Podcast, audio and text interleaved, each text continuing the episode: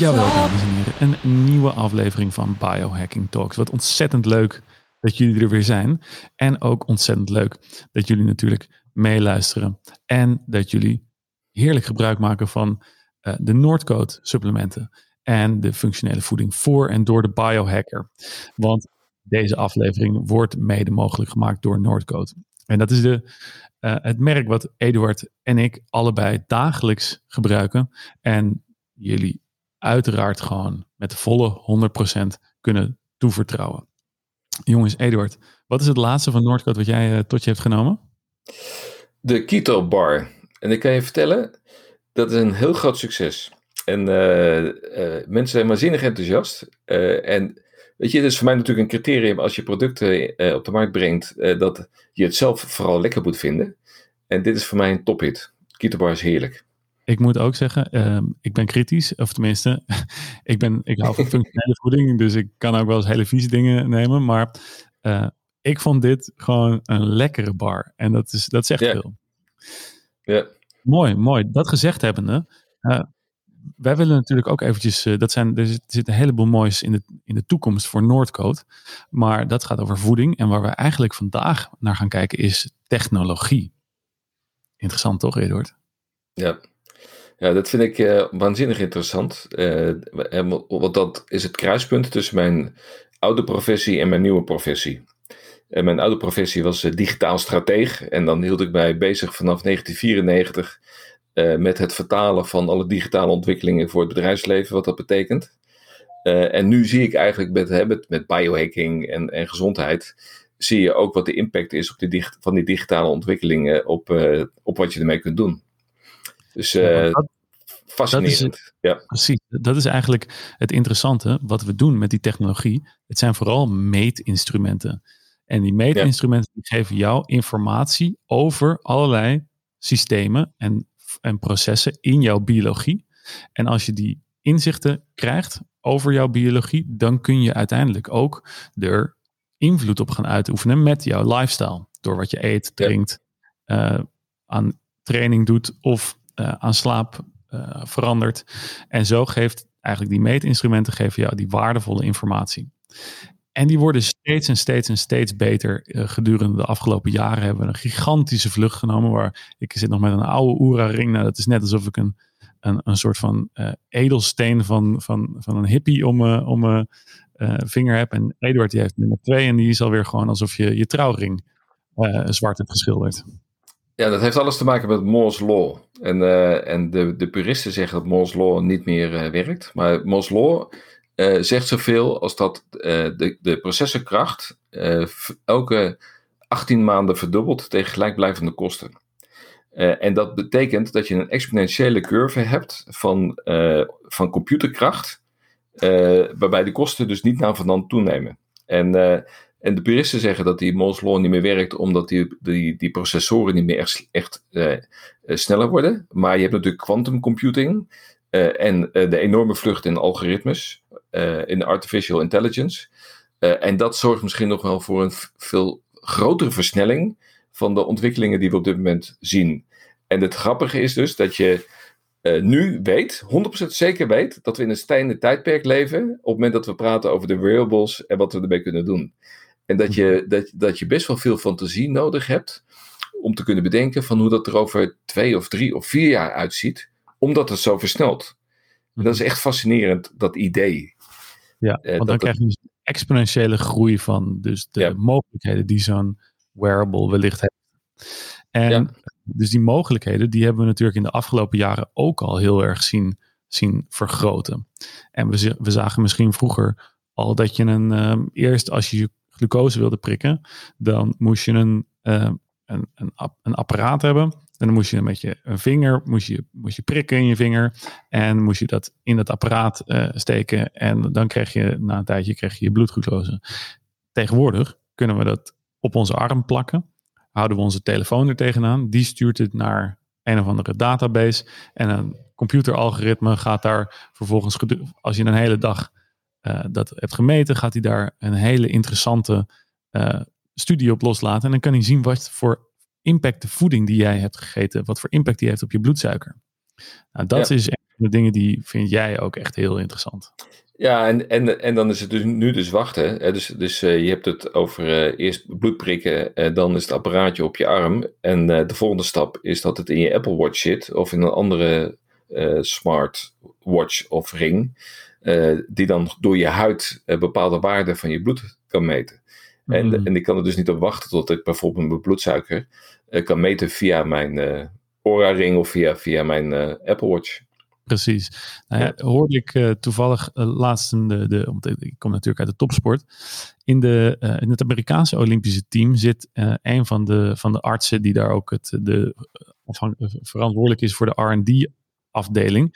Die komt uit het leger.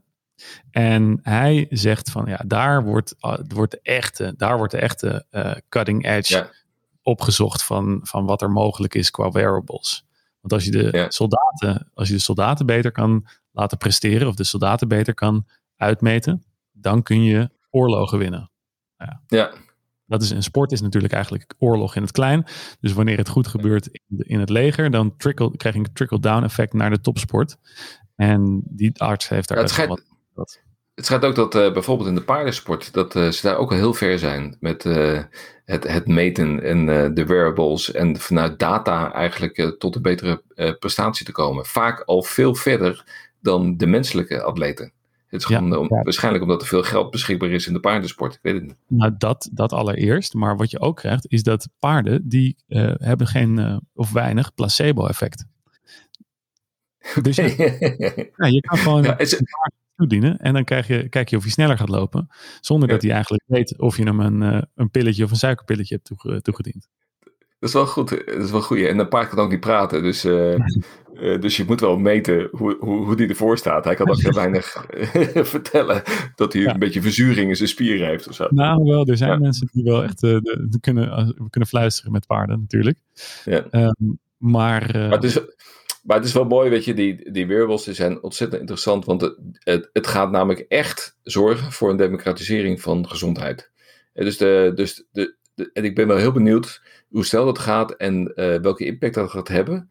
Uh, maar als je daar je, zeg ook daar je fantasie op loslaat, dan kun je je dus voorstellen dat de macht die nu bij de medische sector zit, uh, om te bepalen wat er fout is met jou en wat er vervolgens met jou moet gebeuren, dat die macht volledig omgedraaid kan worden doordat uh, wij straks al die bloedwaarden zelf kunnen zien. We hebben ons DNA hebben we in ons eigen profiel. Uh, we hebben epigenetics. Uh, we weten precies op welke zaken we al of niet tekort komen. we weten hoe ons bloedsuikerspiegel reageert op verschillende voeding. Alles hebben wij uiteindelijk straks ehm, ja, in onze eigen database.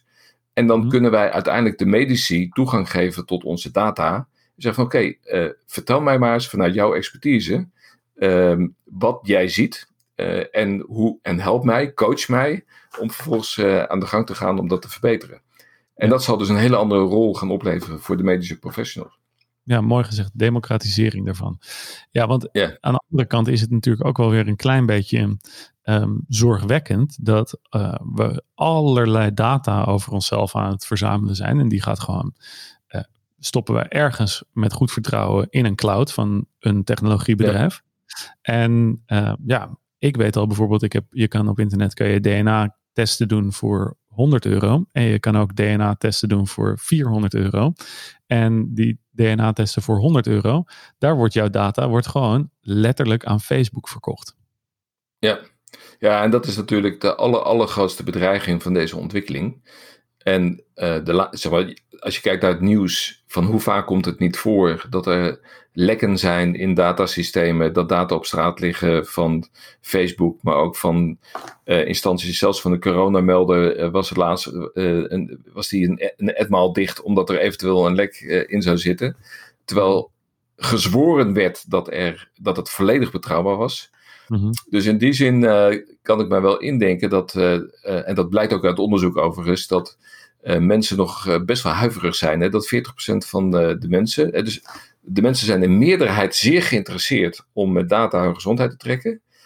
maar 40% is zeer huiverig om die data vervolgens aan een een of ander platform te geven vanwege al dit soort maatregelen. En, en, of, terecht, denk ik.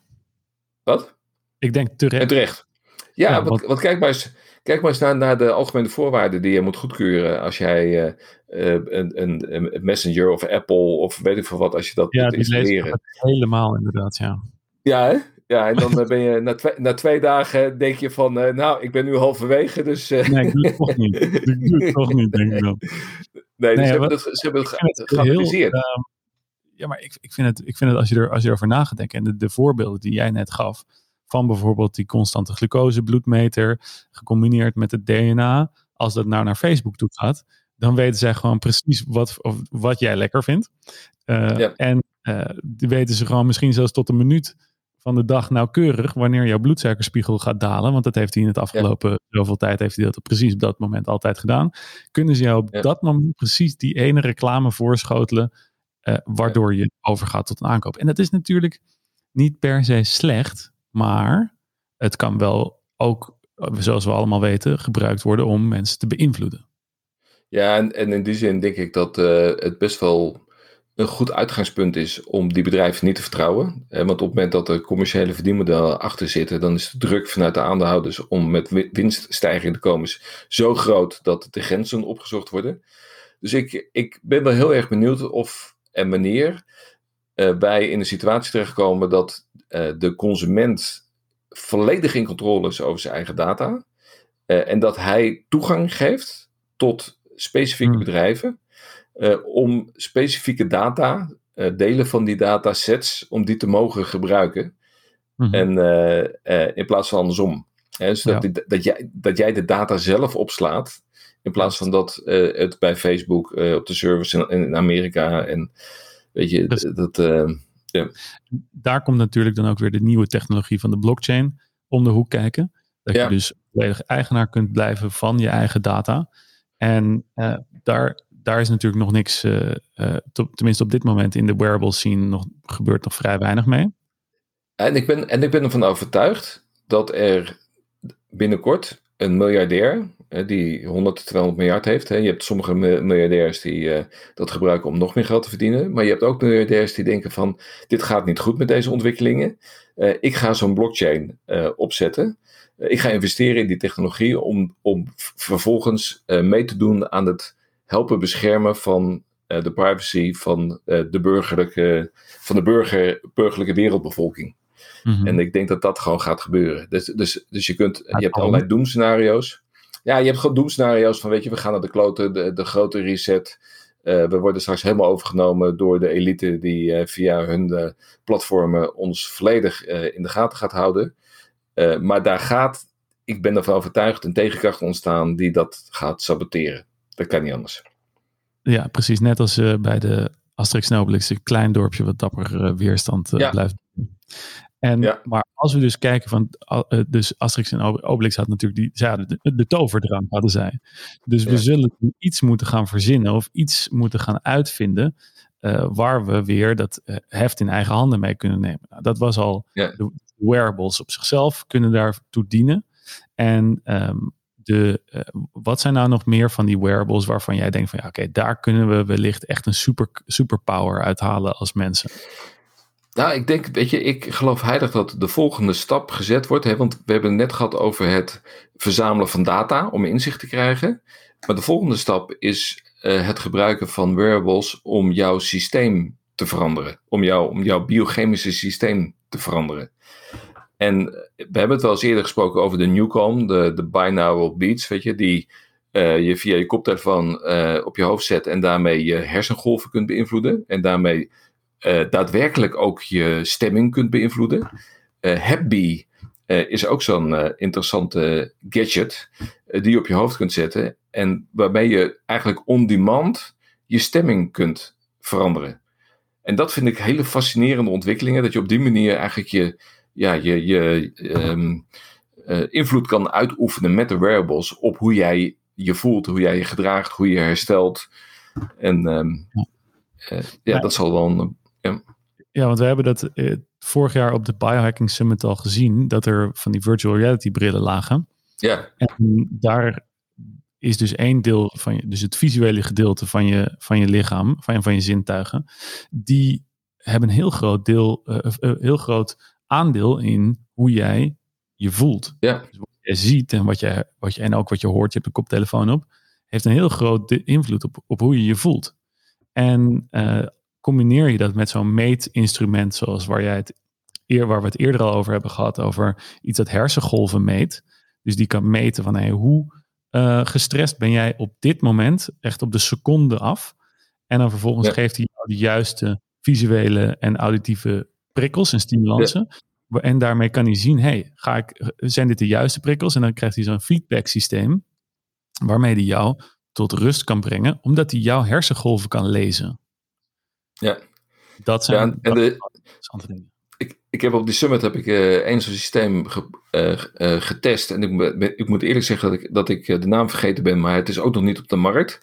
waarbij je een, een soort device op je hoofd plaatst en waarbij dan een, een soort kaleidoscoop van, mm -hmm. van licht op jou wordt afgevuurd. Uh, en dat heeft een enorme impact op dat visuele vermogen in combinatie met dat geluid. En dat, is, dat was een waanzinnig coole ervaring. Dat, dat, ik was bijna, na tien minuten was ik al vertrokken en was ik echt compleet relaxed, compleet hersteld. Ik moest toen een presentatie geven. Ik was daarna was ik gewoon helemaal weer het, het mannetje. Ja. Uh, en de wat simpele vormen, en dat is natuurlijk ook interessant, zijn de virtual reality brillen, waarbij je echt in een andere omgeving zit. En die hadden ze ook op die summit. Dat je ja, bijvoorbeeld uh, bij een ja, bij, aan het mediteren bent bij een waterval in, uh, in IJsland. En dan echt die waterval hoort ruisen. En je kijkt om je heen en je ziet overal de natuur. Ja, en dat geeft dan ook meteen een hele andere setting dan dat je dat thuis moet doen op je matje. En, uh, ja, want wij zaten daar midden in een drukke fabriekshal met duizenden ja. andere mensen. En je bent toch helemaal uit. Ja, ja dus, dus wat dat betreft uh, gaan we echt een hele, hele hoop hele coole dingen zien. Het enige nadeel is dat je geld moet uitgeven. Uh, ja, ja. Die, die eerste versies van die, uh, van die gadgets die zijn natuurlijk allemaal hartstikke duur. En pas als uiteindelijk de technologie goedkoper wordt en veel meer mensen gaan het gebruiken, ja, dan wordt het ook toegankelijk voor, de, voor het brede publiek. En daarom moeten wij gewoon keihard blijven werken. Uh, omdat we gewoon, wij, wij willen deze gadgets als eerste hebben, dus we moeten gewoon ons helemaal te nadenken om het ons te kunnen voorlopen. En, en gelukkig zijn de virtual reality brillen, de Oculus, is onderdeel van Facebook. Dus uh, die zullen ja. gewoon af door, jou, door jouw meditatie even een advertentietje plaatsen. En dan, uh, ja. dan kun je daarmee de kosten drukken. nee, ja, we, we, hebben, we hebben nu al uh, geschetst dat het grootste gedeelte van de toekomstige gadgets waar Eduard en ik heel enthousiast over worden, zijn de gadgets die enerzijds dus meten en data verzamelen. En daar informatie uit kunnen halen door middel van bijvoorbeeld in de toekomst artificiële intelligentie. Die uit die informatie ook echt correlaties kunnen gaan vinden tussen allerlei verschillende leefstijlfactoren in jouw leven. En uh, tegelijkertijd dat er een tweede onderdeel van die gadget komt en die jou, gaat jou ook daadwerkelijk beïnvloeden. Dus niet alleen meten, maar ook beïnvloeden. Nou, en dat zijn wel echt de gadgets van de toekomst. En ik denk dat Eduard en ik die zouden daar nog wel urenlang over kunnen lullen. Uh, nou, dat gaan we vast ook in de toekomst nog wel doen. Maar voor nu, Eduard. Ja, ik, ik ga in ieder geval de Happy ga ik uh, proberen. Uh, dus als we die getest hebben, dan komen we er zeker op terug. Heel cool. Ga ik van je horen, Eduard. En dan volgende keer. Oké, okay. Adios.